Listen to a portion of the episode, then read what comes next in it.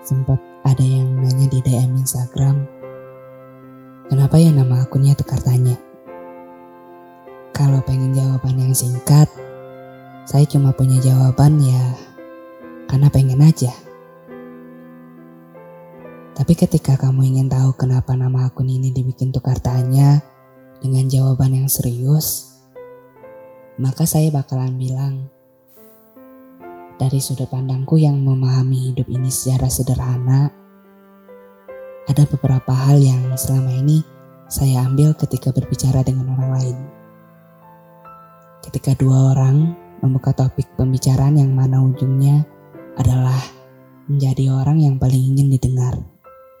Seolah banyak pengalaman, paling ngerti tentang apa yang dibicarakan, seolah berlomba-lomba untuk menjadi kisah yang paling bagus, cerita yang paling sedih, dan paling lucu.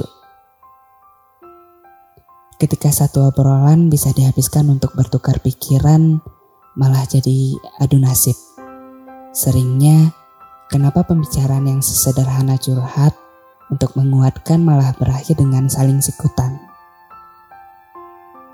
Pada satu malam, ide ini keluar membisik di telingaku, selain bercengkrama yang solid, poin dalam pembicaraan sebenarnya adalah bertukar tanya.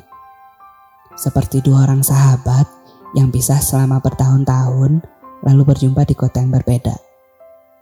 Seperti kisah dan kasih yang pernah melalui berbagai banyak simpang dan tetap tahu jalan pulang.